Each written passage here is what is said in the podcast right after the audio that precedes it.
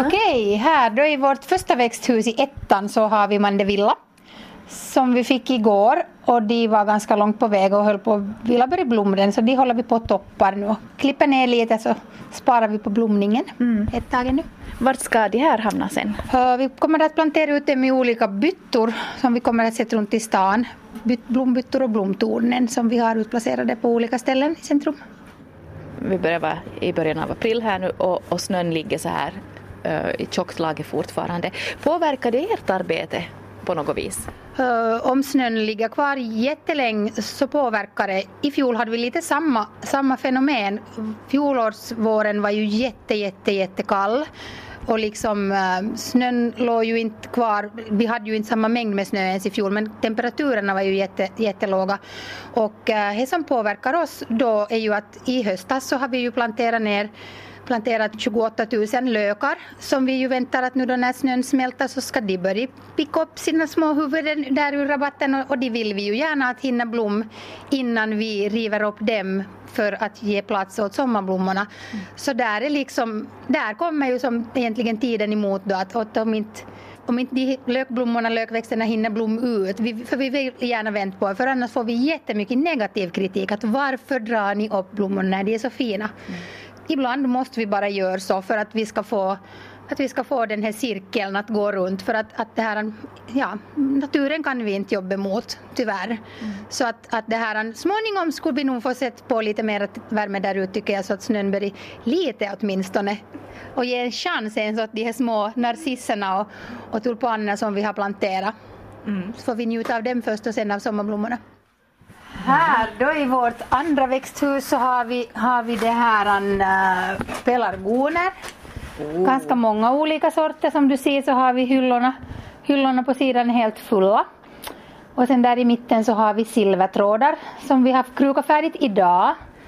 Och sen har vi våra alldeles egna spe speciella små bebisar. Ja, vad det är, de är små då? De är små. Mm. Mm. Vad är det här för någonting? Här har vi salvia. Salvia, kryddväxt? Salvia, ja, men det är inte en, en ät, ätbar salvia utan en, en salvia som blommar blått. Mm, mm. Som vi också hade i fjol och vi tyckte jättemycket om salvian.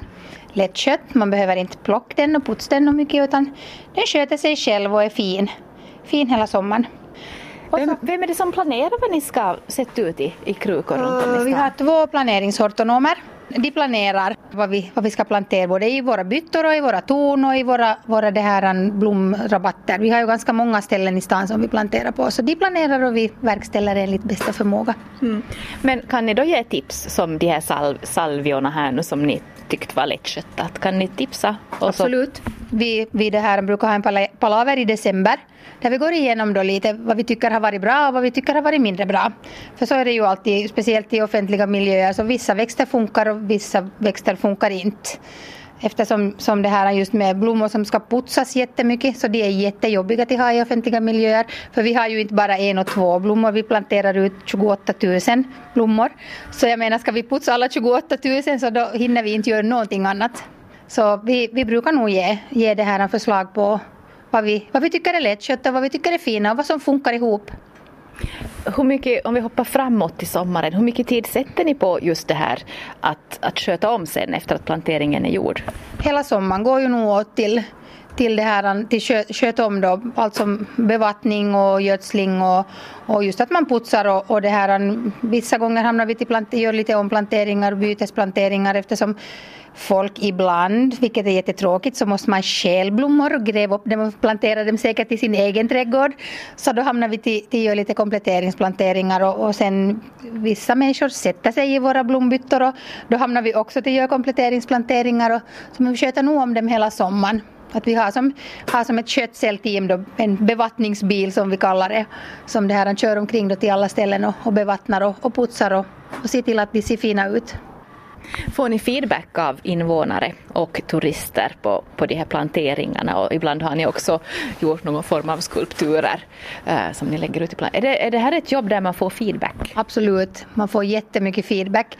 Uh, man får för det mesta positiv feedback och jag tycker att det är en del av en del av lönen eller hur ska vi säga ett lönepåslag att få positiv feedback av, av personer som, som går förbi. Vissa människor så, så stannar och man ser liksom att de vill säga någonting så då kanske man lyfter på huvudet och liksom är liksom meddelar till dem att ja, berätt bara att jag kan ta en liten paus i mitt arbete om du har någonting på hjärtat.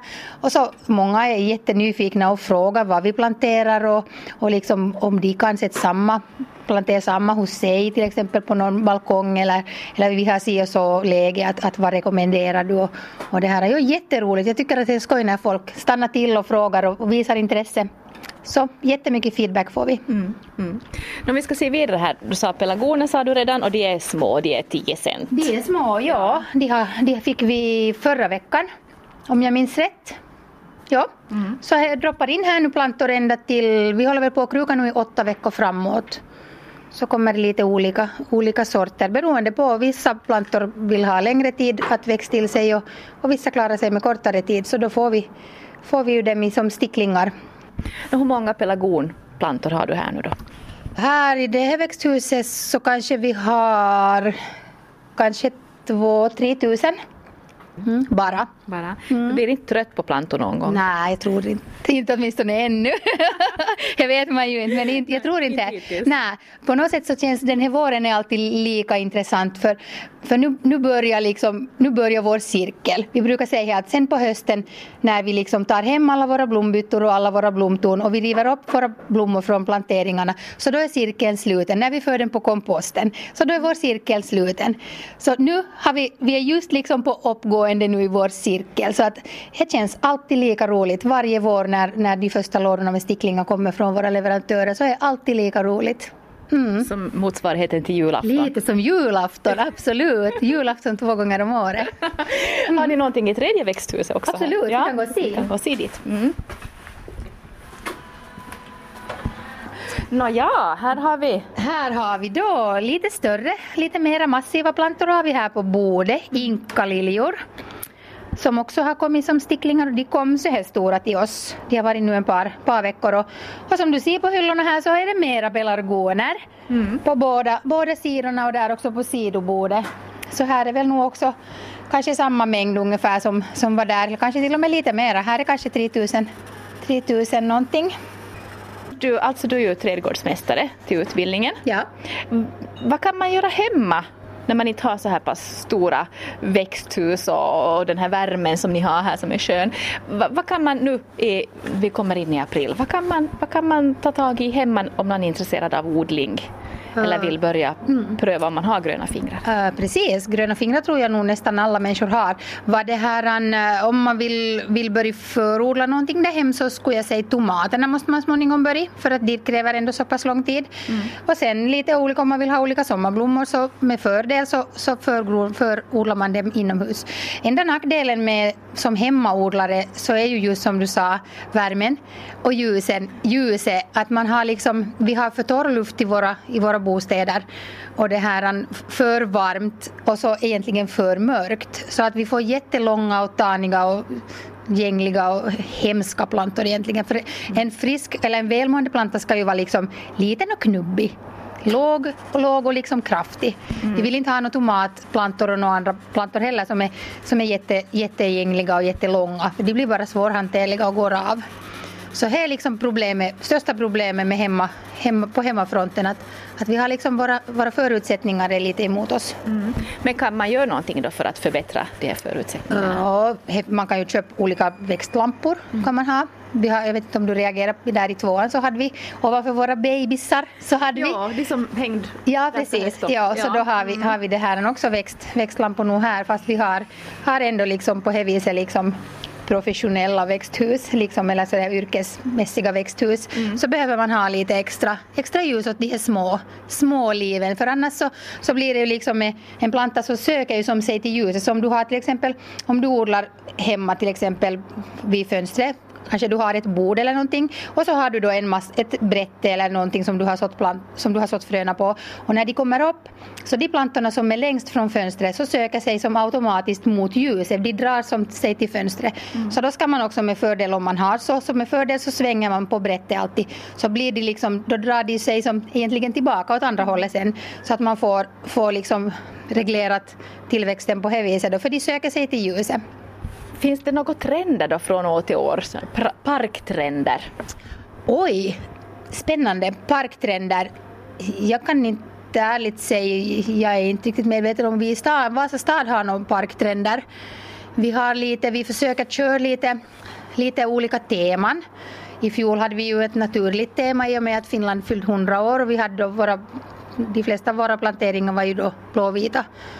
Uh, I år så kommer vi att se Eh, jag kommer inte att avslöja nu vad ni kommer att se för färger men, men det blir någonting betydligt uh, vad ska vi säga, klatschigare än blåvitt. Någonting som man märker mera. Blåvitt blir kanske ganska ganska liksom till intetsägande när man, när man kör förbi med bilen bara en blåvit plantering så hinner man kanske inte uppfatta liksom alla detaljer och så.